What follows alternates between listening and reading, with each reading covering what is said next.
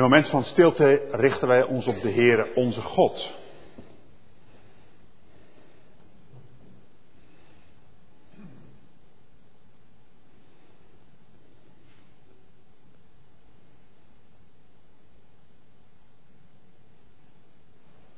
Onze hulp, onze enige verwachting is van de Heere. Onze God, die God die de hemel en de aarde en al wat erin is heeft gemaakt en onderhoudt door het woord van zijn kracht. En van Jezus Christus, de opgestane, hij die zit aan uw rechterhand, hij die was, is en komen zal, van en door de Heilige Geest. Amen. Wij mogen deze dienst vervolgen met gezang 225, vers 1, 4 en 5.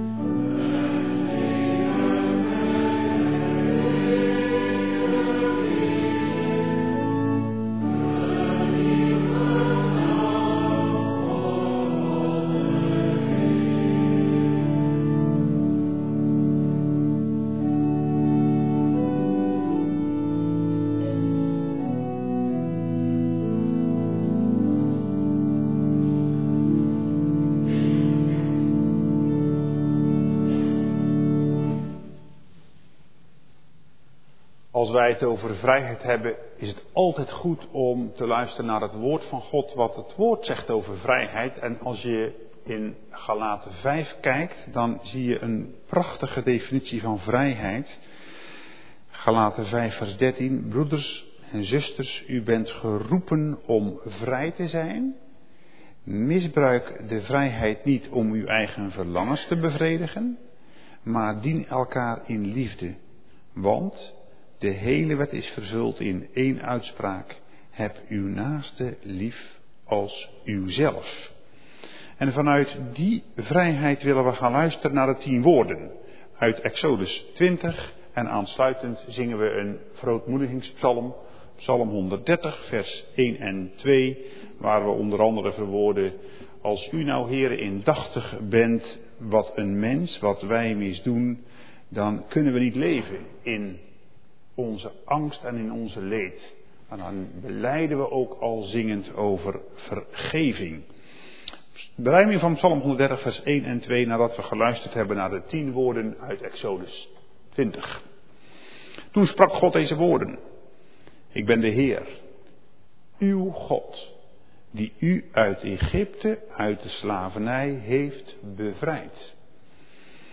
Vereer naast mij geen andere goden, maak geen godenbeelden, geen enkele afbeelding van iets dat in de hemel hierboven is, of van iets beneden op de aarde, of in het water onder de aarde. Kniel voor zulke beelden niet neer, vereer ze niet, want ik, de Heer, uw God, duld geen andere goden naast mij. Voor de schuld van de ouders dat ik de kinderen boeten, en ook de derde en het vierde geslacht, wanneer ze mij haten.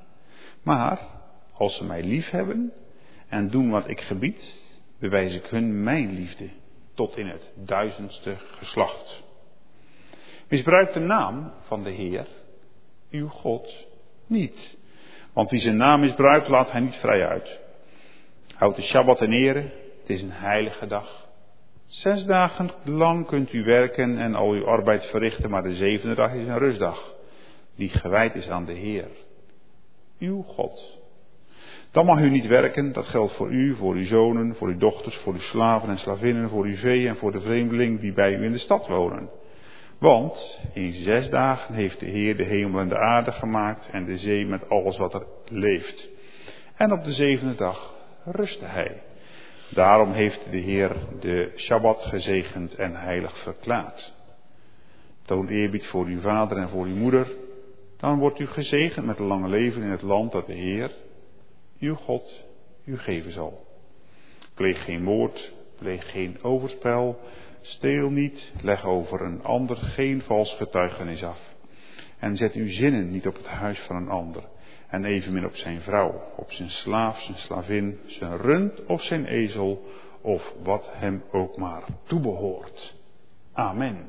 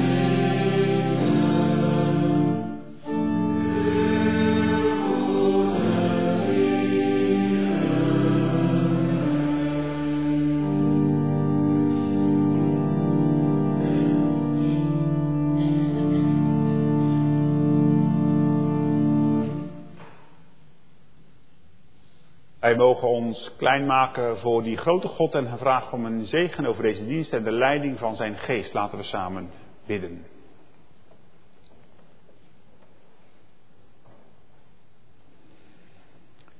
Heere onze God, die we eerbiedig Vader noemen in Jezus Christus uw Zoon.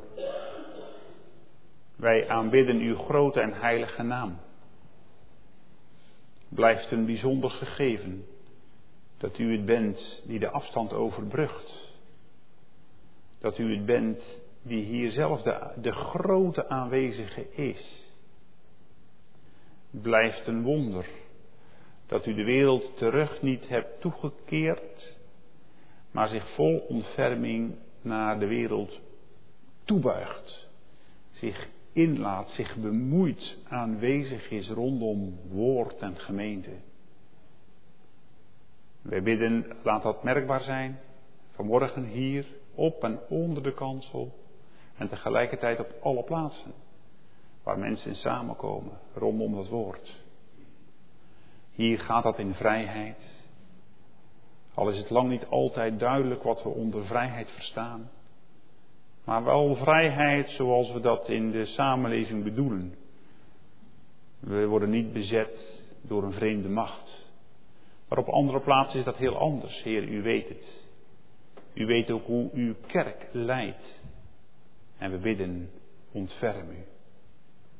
Heer, werk zo krachtig door, woord en geest, dat het, hart, dat het ons hart binnengaat. En dat we morgen, overmorgen, ja, de dagen van de week, er ook handen en voeten aan kunnen geven. Want het is niet alleen horen, het is ook doen. Heren, wij bidden, geef dat wij steeds opnieuw op scherp worden gezet. Geworteld in die liefde die rechtstreeks van u komt. En dat wij die liefde ook uitdragen. Dat we verstaan dat wetgeving er is ten gunste van ons. Dat we verstaan hoe de vrome Jood het verstaat. De Simchat Torah, de vreugde van de wet.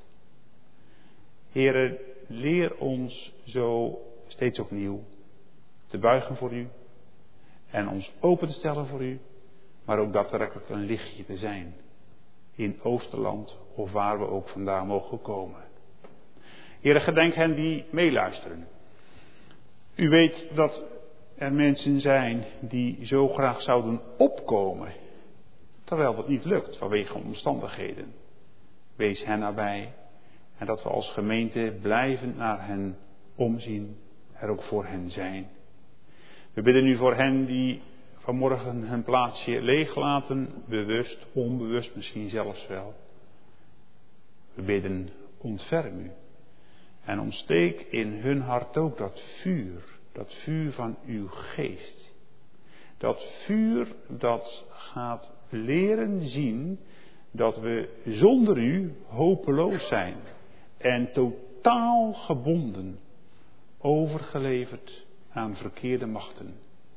Ontsteek het vuur en ontferm u over hen die de kerk en u de rug toekeren.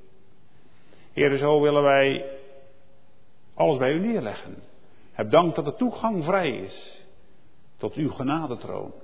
Door Jezus Christus, onze Heer en Verlosser. Hij die aan uw rechterhand zit. Hij die voor ons bidt. Hij die voor ons pleit. Heer, doe ons leven in de verwachting van uw tweede komst. Wij bidden het uit genade om Jezus wil. Amen. We gaan een kinderlied zingen. Het merendeel is geen kind meer, maar toch zingen we een kinderlied. Van van kinderlieden kun je ook heel veel leren. En dat doen we met lied 448, alle drie de coupletten. En daarna gaan de kinderen denk ik naar de nevendienst. Klopt hè? Ja.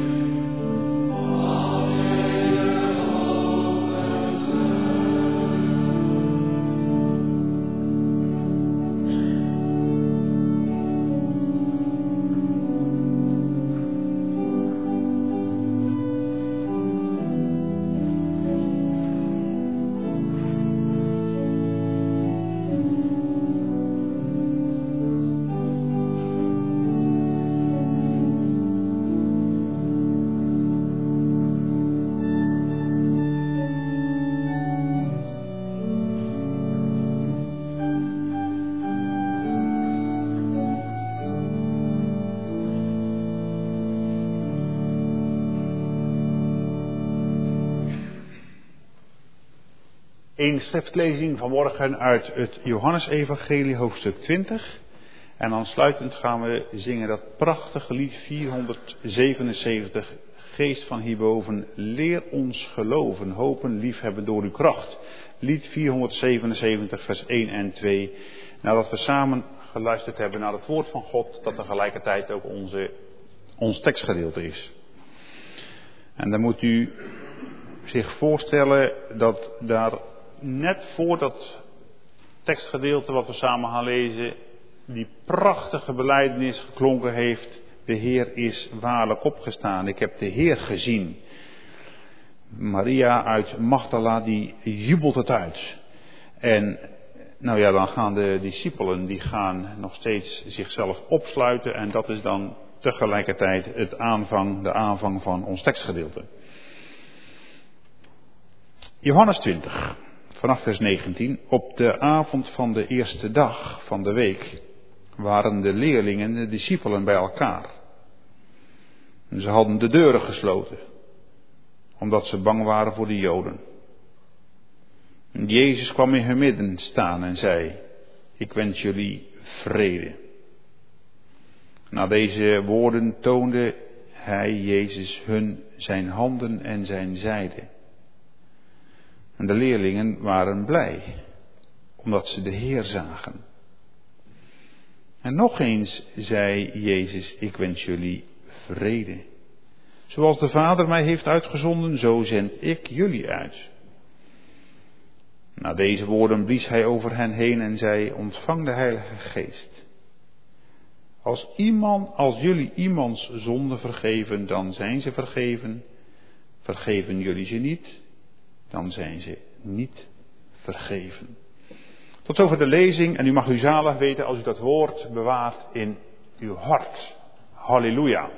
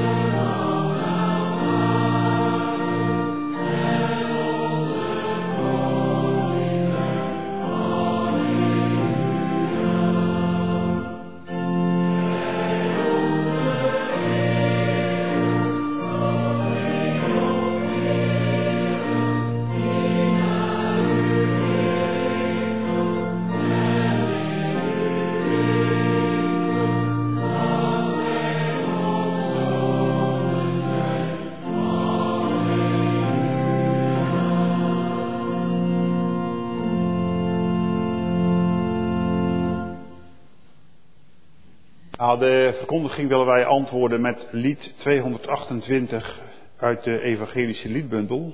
Prachtig lied, Heer, u staat in ons midden. Uw nabijheid maakt ons stil. Het kan niet anders over de nabijheid van Jezus. Die maakt ons klein, die maakt ons stil en die maakt ons tegelijkertijd ook blij. Lied 228, alle vier de coupletten na de verkondiging. Tekstgedeelte is uit Johannes 20, we hebben het samen gelezen. Gemeente van onze Heer Jezus Christus, je kunt, je kunt verdedigen dat veiligheid, het gevoel van veiligheid, het organiseren van veiligheid, dat dat een soort van nieuwe religie in Nederland aan het worden is. Over het algemeen vindt de samenleving dat de kerk er niet meer toe doet. Maar als de kerk er niet meer toe doet, en de kerk is per definitie een huis van hoop en van veiligheid, als het goed is, dan moet je wel iets anders verzinnen in een samenleving om, om de mensen toch die veiligheid te bieden, te geven waar elk mens behoefte aan heeft. Je hoeft een baby, een peuter, een puber, een tiener, hoef jij niet te gaan leren dat het belangrijk is om je veilig te voelen. Dat zit in ons allemaal. Iedereen heeft behoefte vanuit zichzelf om zich veilig te voelen, zich geborgen te weten. Nou, in Nederland gaan we dat organiseren. Natuurlijk, je moet wel. Want als het onveiligheidsgevoel toeneemt, dan worden de mensen ongelukkig. En dan raken ze een beetje hopeloos. En dan organiseren we van alles. Ik heb eens een paar woorden, paar woorden opgezocht die we vroeger niet kenden. Als, als je aan de oudere mensen vraagt, toen je een puber was, had je toen wel eens gehoord van veiligheidsschoenen? Nee, natuurlijk niet. Veiligheidsschoenen, dat gaan we pas organiseren als dat nodig is. En dat is nu nodig. En je hebt ook veiligheidspersoneel. En je hebt een opleiding, die is razend populair. Heb je ook altijd werk in. En die heet integrale veiligheid. Die, die opleiding bestond niet toen ik aan het studeren was. Absoluut niet. Je hebt veiligheidsvoorschriften. Je hebt veiligheidsbrillen. Een veiligheidsjas. En een veiligheidshelm. En je hebt veiligheidshandschoenen. Allemaal veiligheid. Allemaal georganiseerd om de mens veiligheid te bieden. Waarvan je kunt afvragen, is dat nu de veiligheid die er echt toe doet? Los van het feit dat we veilig moeten werken, dat snap ik echt wel. De veiligheid, dat is een ander ding. De veiligheid in de samenleving mag echt alles kosten. Daar zit geen limiet op. Dat gaat oneindig door. Als je nou bijvoorbeeld kijkt, de, de luchthaven Schiphol. Die wordt nu uitgebreid naar 200 man van de marechaussee. Die daar zwaar bewapend rondloopt alleen maar om veiligheid te genereren en te voorkomen dat er mogelijk een aanslag gaat plaatsvinden. Moet u zich eens voorstellen, alleen maar voor dat aspect, hè, 200 man die daar rondrijden, rondlopen, om ons als samenleving een gevoel te geven dat zit wel safe als we naar Schiphol gaan om daar te vertrekken. Veiligheid mag echt alles kosten. En hoe komt dat? Nou, omdat we steeds banger worden. We vieren vandaag bevrijdingsdag. Maar je zou de thermometer eens in moeten steken met de gemiddelde Nederlander. Hoe bevrijd voel je je nu? En wat betekent dat dan? Bevrijdingsdag. Ja, natuurlijk, dat kunnen we allemaal koppelen aan dat we lang geleden bevrijd zijn van de overheerser van de Duitser. Maar wat zegt dat dan? Nu. Als ik in mijn huis woon. Als ik over straat ga. Als ik mijn toekomst zie. Wat zegt nu die bevrijdingsdag voor mensen die de oorlog niet hebben meegemaakt? De meeste van ons. Wat betekent dat dan? Hoe gaat dat dan? We worden steeds banger, we zijn bang voor de buurman. We zijn bang voor in te grijpen bij een conflict. Wie van ons durft het het aan? Als je in Rotterdam loopt en je ziet daar twee mensen ruzie maken om daar iets van te zeggen. Wie durft dat? Hoe werkt dat dan? Als we ons gezamenlijk verantwoordelijk weten voor een maatschappij waarin we vrijheid en veiligheid superbelangrijk vinden. Zal ik eens zeggen hoe het werkt? Verreweg de meeste van ons in de samenleving die zien het en zien het toch net niet. Want kijken een andere kant op. Hoe komt dat? We zijn bang. We zijn gewoon bang. Bang dat wij worden doodgestoken omdat wij iets vinden van ruzie op straat en daar bemoeien we ons ermee en dat vindt een ander dan weer niet goed en dan komt er dat. We zijn bang om hulp te verlenen, in het algemeen. Omdat we dat niet veilig meer vinden. Vreemde constatering, toch? Je wil goed doen, maar toch zit daar een bepaalde angst in. Wat betekent dat dan als ik goed ga doen? We zijn ook bang voor moslims. Die willen alleen maar een heilige oorlog, een jihad, al die moskees. Zijn er bang voor. Ze zijn bang voor de toekomst in het algemeen. Waar gaat het naartoe in Nederland? Hoe groeien mijn kinderen op, mijn kleinkinderen? Komt dit wel goed? We zijn bang in Nederland in het algemeen en we zijn ook in de kerk soms wel een beetje bang.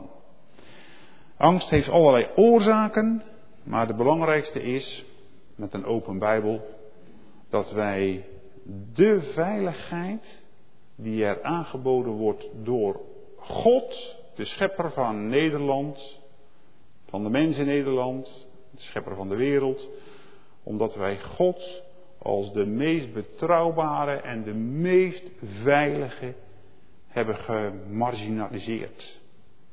Ja, dan moet je het op een andere manier gaan organiseren natuurlijk. Als je de heren wegduwt uit een samenleving. We zijn ook vaak als christen de weg van vertrouwen, van overgave, van bekering, van geloof, van afhankelijkheid een beetje kwijtgeraakt. Omdat ook wij vaak deel maken, te veel deel maken van dat gevoel in de samenleving. En dan missen we collectief gezag, ons gegeven in het meest betrouwbare boek ter wereld. Dat is het woord van God. En dat woord leert ons op een andere manier de werkelijkheid te betreden en op een andere manier de toekomst tegemoet te zien. Wie niet leeft, moet er maar eens over nadenken, wie niet leeft in vertrouwen, rest niets anders dan te leven in wantrouwen. Dus wie niet leeft in vertrouwen, vertrouwen in de God van Israël, de Vader van Jezus Christus, de drie-enige God, wie niet leeft in dat vertrouwen van geborgen zijn bij Hem, die rest niets anders dan te leven in wantrouwen, in angst, in onzekerheid. Ik hoop dat we elkaar daar ook in aanscherpen. Daar zijn we ook wel gemeente voor. Als mensen een beetje bangig zijn, dan moet je zeggen, er staat op geschreven, mijn tijden zijn in uw hand. Dat staat er niet om als een losse tekst maar ergens op een muurtje te hangen en voor de rest niks mee te doen. Dat staat er om ons te helpen en elkaar te helpen. Hoe mag je nu als christen in de samenleving staan? En in de kerk, in je dorp, op je werk. Is dat nou vanuit dat vertrouwen? Mijn tijden zijn in uw hand. Dat is toch heerlijk als je dat ervaart, als je dat weet, als je elkaar daarin helpt. Of je nu jong bent of oud bent. Dat. In, in, in, in ons tekstgedeelte is het niet zo rooskleurig. Ook niet. Net de echte wereld. Tien volgelingen van Jezus. Tien discipelen. Die hebben zich opgesloten. Eentje is er niet. Komt er later bij. Tien hebben zich opgesloten. Die tien volgelingen. Die hadden net als wij het woord van God vaak genoeg gehoord. Die hadden in de nabijheid van Jezus verkeerd, precies zoals wij. Wij hebben het woord ook genoeg gehoord.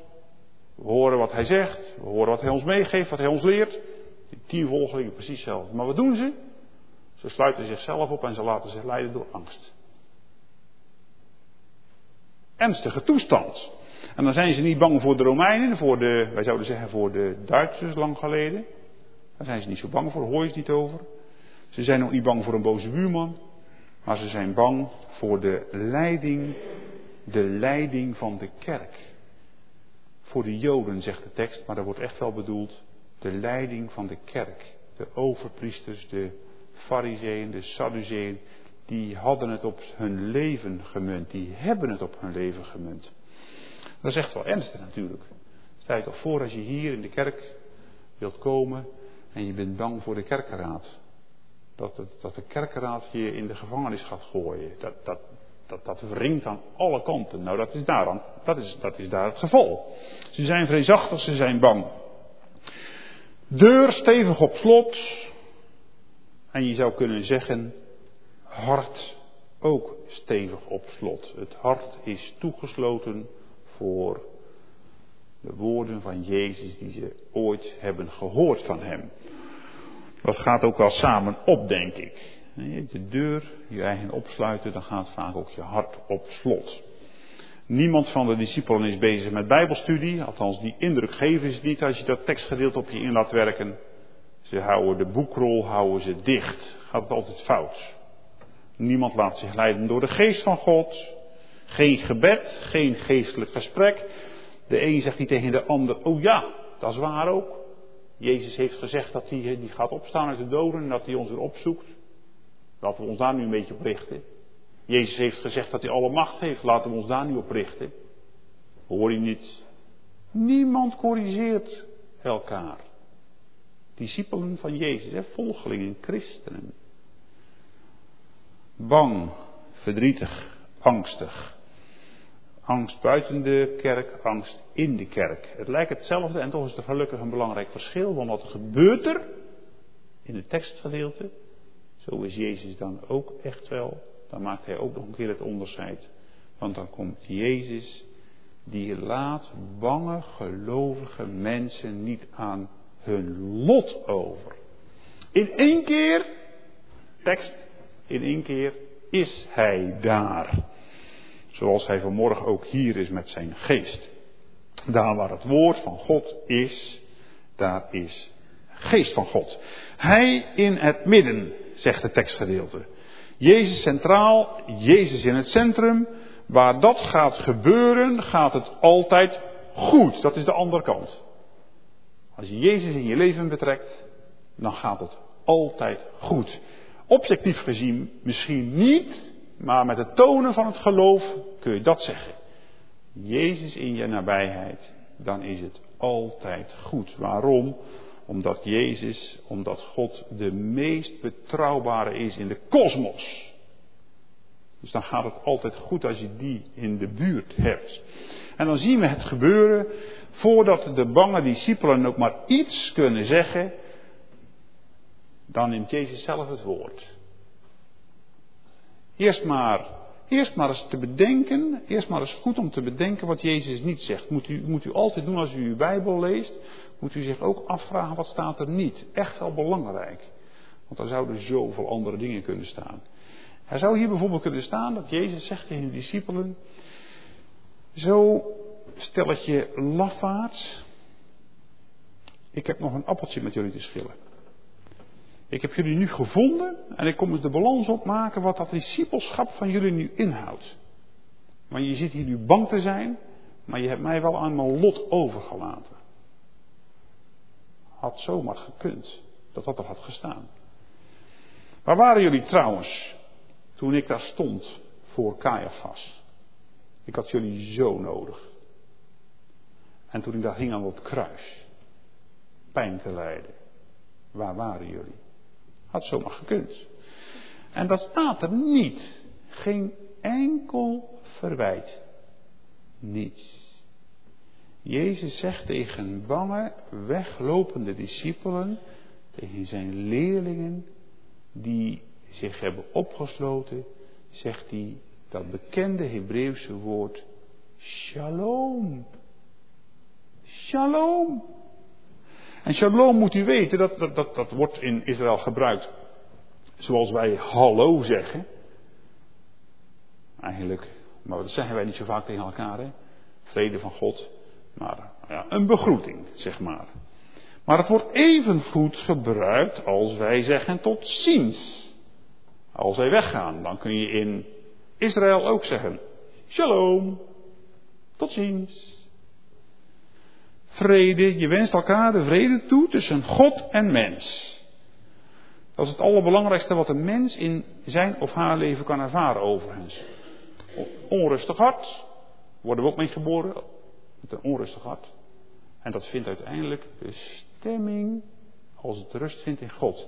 Je moet dus naar die programma's, je moet eens naar die programma's kijken van de verandering. Vind ik altijd zo opvallend. Je hoort de meeste woeste verhalen en eh, extreme achtergronden. En dan zie je aan die ogen en je hoort ze praten, ze zijn tot bestemming gekomen. Tot geloof, tot rust in God. Ja, ja, dan ga je pas echt leven. Dat is het leven zoals God het bedoelt in relatie met Hem. En we zijn soms zo ontheemd en finaal van het padje. En dan komt een mens en dan vindt hij rust in God. Vrede tussen God en een onrustig hart. Dat is het mooiste wat je kunt ervaren in je leven. Shalom kan ook worden gebruikt om vrede toe te wensen tussen twee landen. Dat is ook wel aan de orde. Leen het, leen het lezen, eh, kondig het af, hè, de Syrië, collecte. Nou, als je dan ziet hoe dat dan gaat in, in de wereld, tussen landen. Als je ziet de haat rondom Israël. Nou, het zou toch vreemd zijn, we zullen zo meteen ook verbidden, dat er wat meer vrede komt tussen landen. Shalom. Doe nu wat God bedoelt met je als mens, met je als land. Tussen Israël en Egypte, tussen Iran en Irak, allemaal van die spanningsvelden. Shalom. Shalom wordt ook gebruikt om vrede toe te, wensen aan jezelf. Je wenst jezelf rust toe. Innerlijke rust. Vrede. Dat. Nou, in onze tekst zoekt Jezus op, bange woorden op die bangen mensen op en die mensen die zeggen geen woord, hoeft ook niet, want Jezus neemt het woord. En die zegt ik heb vrede voor jou. Vrede om opnieuw te gaan ervaren die ik voor jullie ben, wil zijn. Ik heb vrede en ik ben vrede en dat breng ik op dit moment bij elkaar. Dat wil Jezus. Dat doet Jezus. Misschien zit je deur potdicht, discipel. Dat kan. En ben je vol van onrust en van angst. Dat kan ook. Is de angst mijn raadgever, mijn, mijn afgod, mijn leidsman? En ben ik ook niet van plan om de deur open te doen.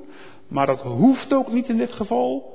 Want Jezus die gebruikt de deur niet eens. Deur of geen deur, Jezus is in het midden. En hij, hij laat ongevraagd zijn handen zien en zijn zij. Dat zijn gelittekende handen. Eh, dat kunnen we ons echt wel inleven. Wat die beweging heeft gedaan met die, die tien mensen. Dan heb je niet zoveel woorden nodig. Natuurlijk niet. Ze herkennen hem, ze kijken. En het zijn inderdaad gelittekende handen. Dat is een preek zonder woorden. Zijn handen vertellen onuitgesproken wie hij is, die daar staat. Ze vertellen wat er met hem is gebeurd. Ze zien het. Dat is waar. Hij heeft daar gehangen. Ze vertellen ook waarom het is gebeurd. Dat was niet zonder reden dat hij daar hing. En ze vertellen ook voor wie het is gebeurd. Er is een verbinding tussen Golgotha en tussen vrede in je hart. Tussen een onrustig hart dat rust mag vinden aan de voet van dat ruw houten kruis. In vers 20 wordt er geen woord gezegd. Iedereen kijkt naar de wonden, de littekens. En dat zien is genoeg om de bangheid te overwinnen. Er komen in één keer andere emoties los. Natuurlijk, begrijpelijk. Ze komen op de beste plaats die een mens kan hebben. Kijk, zoals Jezus, zoals Jezus door de gesloten door de gesloten deur naar binnen is gegaan, zo gaat de angst die ze hadden door de gesloten deur naar buiten. En dan zou je, dat kun je natuurlijk zeggen, het is een vrolijke ruil. Mijn vrede komt binnen en angst gaat eruit. Schenk mij een lofgewaad. Schenk mij aanbidding. Schenk mij vreugde, blijdschap, liefde. Nou allemaal die mooie deugden die te vinden zijn bij God, bij Christus. In plaats van neerslachtigheid, in plaats van verdriet, in plaats van angst. Angst verstikt niemand. Angst zet mensen eh, in de verstijving. Angst brengt ook helemaal geen flexibiliteit meer of soepelheid. Angst verkokert. Je ziet niet meer de, je ziet niet meer de echte werkelijkheid. Geen angst, maar blijdschap en vrijheid. Jezus die zet, zet levens op zijn kop. Nog maar een keer naar de verandering. Moet je eens kijken wat er met mensen gebeurt. Die vanuit de goot aan de voeten van Jezus komen. Nou, dan wordt je leven wel op zijn kop gezet. In de meest gunstige zin van het woord. Het onmogelijke wordt waar. Bangheid wordt ingeruild door blijdschap. Prachtig om te zien. De leerlingen waren blij omdat ze Jezus zagen. Jezus zoals hij is. Met gelittekende handen. En plotseling is er weer hoop. Plotseling is er weer toekomst. Plotseling is er weer richting. Komt er weer een nieuwe bestemming. Plotseling is er weer zingeving. En natuurlijk, dat is waar. Dat klopt. De Romeinen houden nog steeds het land bezet. Klopt. Dus vrijheid in de objectieve zin, niets. Niets. Echt niet. En dat duurde nog wel even ook. Buiten is er dus niet zoveel veranderd. Absoluut. Maar daar gaat het natuurlijk uiteindelijk niet om. In de verhouding tussen God en mens. Hoe is het mogelijk dat er mensen in Eritrea in een container opgesloten omdat ze geloven in Jezus rust ervaren door Jezus. Dat komt hierdoor. Dan is Jezus in hun midden. Hoe komt het dat er in een samenleving waar objectief gezien geen vijandige overheersing is, er zo ongelooflijk veel angst is? Dat komt hierdoor. Mensen sluiten zich op, sluiten zich af van Jezus, sluiten zich af van het woord van God. En dan kan het niet anders of je wordt ten diepste beheerst door angst, door onzekerheid. Buiten niet veel verandert, eigenlijk niets, binnen alles verandert. Het gaat om de innerlijke rust in het hart, in onze ziel, in onze identiteit. Waar leven we uit? Dat is een vraag die moet je je steeds maar stellen. En die moeten we elkaar ook stellen, in alle liefde natuurlijk. Maar gaat het nu eigenlijk om? Waar gaat het nu om in ons leven? Hoe werkt dat dan? Vrede voor ieder die gelooft in de opgestane Heer Jezus. Dat hoort er natuurlijk bij. Dus je kunt zeggen, leeg kruis, leeg graf, leeg graf en een vol hart. Dat is eigenlijk wat hier gebeurt. Vers 21 onderstreept Jezus nog een keer dat hij het serieus neemt richting bange discipelen. Want dan zegt hij nog een keer, in de herhaling zit de kracht, nog een keer hetzelfde woord. Shalom, voor jullie. Ik ben er nu, ik heb het laten zien waar je het kunt krijgen. Shalom voor jullie. In mijn aanwezigheid ben je veilig. En toen, lekker blijven zitten, in zo'n kamertje met de deur op slot. Veilig, we hebben het nu goed samen, met z'n tienen. We zijn weer blij. Niet, niet, niet. Zo gemakkelijk is het christelijk leven niet. Erop uit. De wereld in. Zoals ik, zegt Jezus, erop uitga, zend ik ook u, jullie. Je krijgt vrede bij mij, die met niets te vergelijken is. Maar dat betekent wel dat je met die vrede iets gaat doen. erop uit. De rust is elders.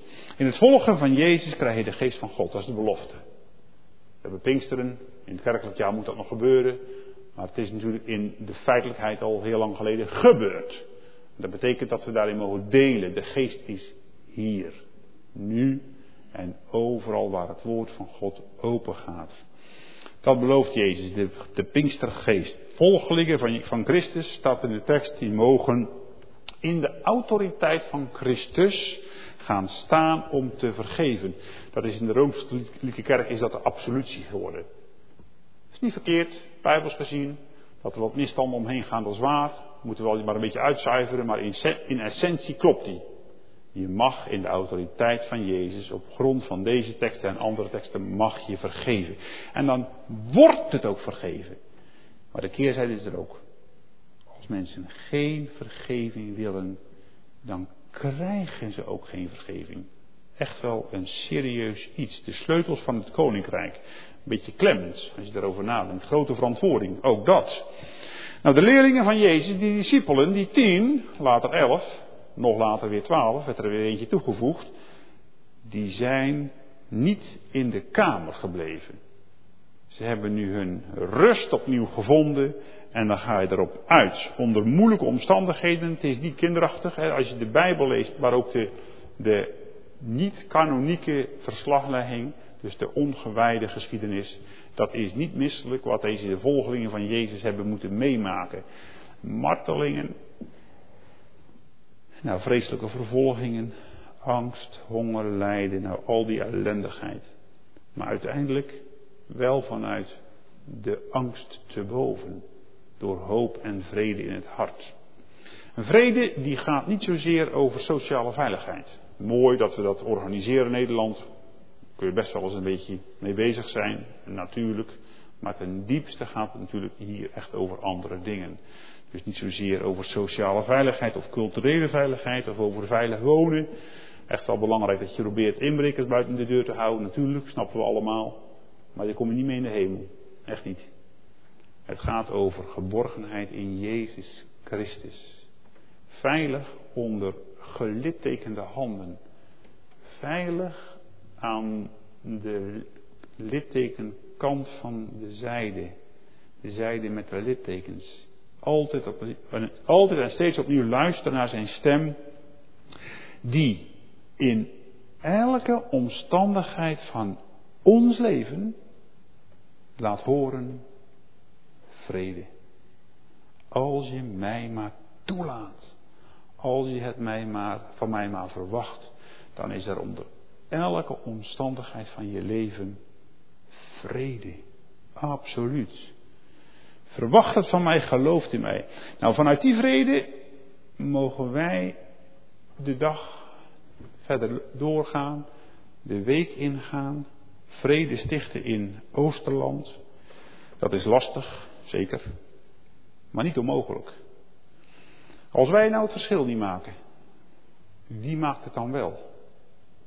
Waar, waar, moet het dan wel vandaan komen? Als christenen die het van de Christus krijgen, van de Christus leren, als die dat al niet praktiseren, wie moet het dan wel doen? Al zet je heel het land vol met hogescholen en universiteiten om integrale veiligheid te leren, dat is echt wel van een andere orde. Hij die het voor ons deed, aan dat kruis hangen, hij die het ons voordeed, ik ben niet gewoon om te heersen, maar om te dienen, om liefde te delen, om het voor te doen. Dat is onze bron. Dat is ons vertrekpunt. Daar gaan we steeds opnieuw terug naartoe. Daar moeten we het van hebben. Hij geeft ons die richting. En dan mogen en kunnen we, dat doen we strompelend, dat doen we echt in de weerbarstigheid van het leven, voor hier geen hemel op aarde. Kunnen wel eens hemelse momenten zijn overigens, maar voor hier geen hemel op aarde. Dan kunnen wij de toekomst in. Die nu begint. Als Jezus het heeft over het koninkrijk van God, dan is dat altijd tweeledig. Dat is wat we hier doen en dat is wat we verwachten. En in die dubbelheid mogen wij vanuit die vrede De vrede die alle verstand te boven gaat. In het consistorie-gebed werd dat benoemd. Dat is absoluut waar. Die kun je niet bredeneren, maar die ga je ervaren. Vrede met God, geborgenheid, wat er ook gebeurt. Al draait de wereld tegengesteld. Als je die vrede hebt, dan kun je de toekomst tegemoet. Shalom, om Jezus wil. Amen.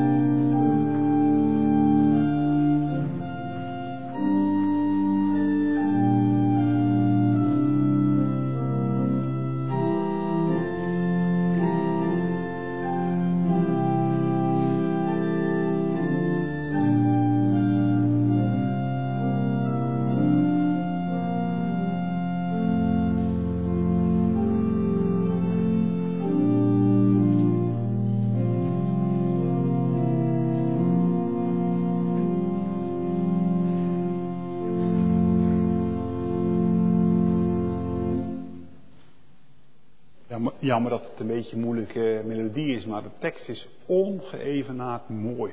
Prachtig, je zou het eigenlijk uit je hoofd moeten leren. Zullen we samen gaan danken en voorbeden doen? Heere onze God, schenk ons een lofgewaad in plaats van neerslachtigheid.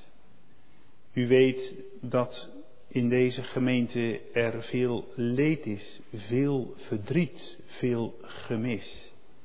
En toch, en toch, door het verdriet heen, door de tranen, mag daar zijn de hoop, het vertrouwen, omdat U het ons schenkt. Heer, geef dat we elkaar daar ook in helpen. Een bevrijdingsdag kan alles te maken hebben met de vrijheid die u ons schenkt. En die gaat dan weer altijd samen met liefde, rust, vrede, hoop en toekomst. Heren, wat is het waar dat de gebrokenheid zich hier voltrekt en over heel de wereld, maar dat dat in de christelijke gemeenschap nooit, nooit, nooit de laatste woorden zijn. We danken u dat uw woord mocht klinken, shalom. En opnieuw, shalom.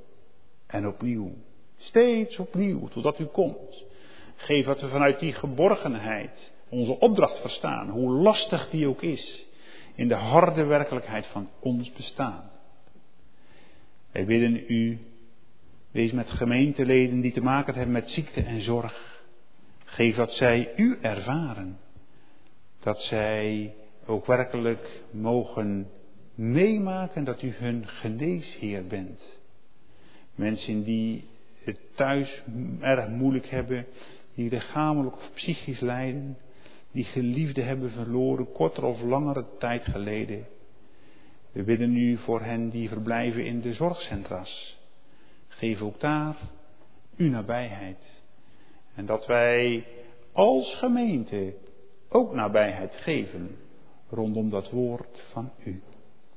Wij bidden voor mensen in Syrië die getroffen zijn door oorlogsgeweld. Wil de gebeden zegenen. Geef een omkeer. En geef, heren, dat juist ook de middelen die worden verstrekt goed worden gebruikt en goed terechtkomen. We bidden voor Israël en voor vrede vanuit de omliggende volken, maar ook intern in Israël. En dat ook Israël massaal tot geloof, tot bekering komt, gaat, zich gaat verwonderen over de gelittekende handen en het, de gelittekende zijde van u, Heer Jezus, die ook daar niets liever wil dan dat mensen aan uw voeten komen. We bidden voor geloofsgenoten wereldwijd en in het bijzonder voor hen in bijzonder moeilijke omstandigheden van oorlogs- en rampgebieden. Heere, ontferm u. We danken met zuster Rina Straaien dat ze na geslagen op ingreep weer thuis mag komen uit het ziekenhuis. En dan hebt u het wel gedaan, wel gemaakt. En we bidden dat zij u de eer mag geven met allen die om haar heen staan. We bidden voor de zegeningen van de afgelopen week. Geef ons daar ook ogen voor, oren op het op te merken en ook om het te delen. Dat we leren danken voor de zogenaamde gewone dingen. Want in het geloofsleven is eigenlijk niets gewoon. We danken ook voor de vrijheid in die zin dat er geen overheersing is door vreemde volken. We bidden of die vrijheid gekoppeld wordt, massaal gekoppeld wordt aan de vrijheid die u bedoelt. Want als Nederland iets nodig heeft, dan is het dat. Een massale bekering. Terugkeren tot u. De bron van leven. Tot u die ons hebt gemaakt en ons wil herscheppen in Jezus Christus, onze Heer en Verlosser. Heren, zo willen wij bidden, gedenk ons deze dag. Geef dat er ook ja, lust is in het hart om vanmiddag, vanavond op te komen. Om opnieuw te vieren, te gedenken, te beleiden. Wij bidden nu voor al het werk wat mag gebeuren, ambtelijk, kan, maar ook de ambten, maar ook het vrijwilligerswerk. Van het schoonmaken, de kerk tot het leiden van allerlei activiteiten. Heer, dat het in afhankelijkheid van u gebeurt, tot eer van uw naam. Dan zult u het ook zegenen. En zo willen we samen sluiten, afsluiten met het gebed, Heer Jezus, wat u ons hebt geleerd. Onze Vader, die in de hemelen zijt. Uw naam worden geheiligd. Uw koninkrijk komen. Uw wil geschieden, gelijk in de hemel, als ook op de aarde. Geef ons heden ons dagelijks brood. Vergeef ons onze schulden, gelijk ook wij vergeven onze schuldenaren. En leid ons niet in verzoeking, maar verlos ons van de boze. Want van u is het koninkrijk en de kracht en de heerlijkheid tot in eeuwigheid. Amen. We gaan nu over tot de inzameling van de gaven en aansluitend zingen wij een lied van hoop, lied 300 vers 1, 5 en 6.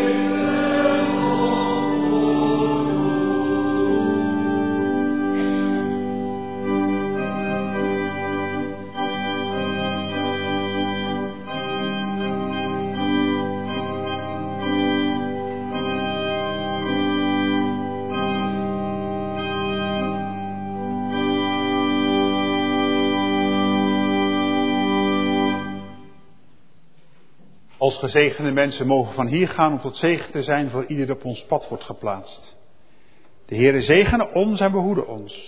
De Heere doe zijn aangezicht over ons lichten en zij ons genadig. De Heere verheffen zijn aangezicht over ons en geven ons shalom.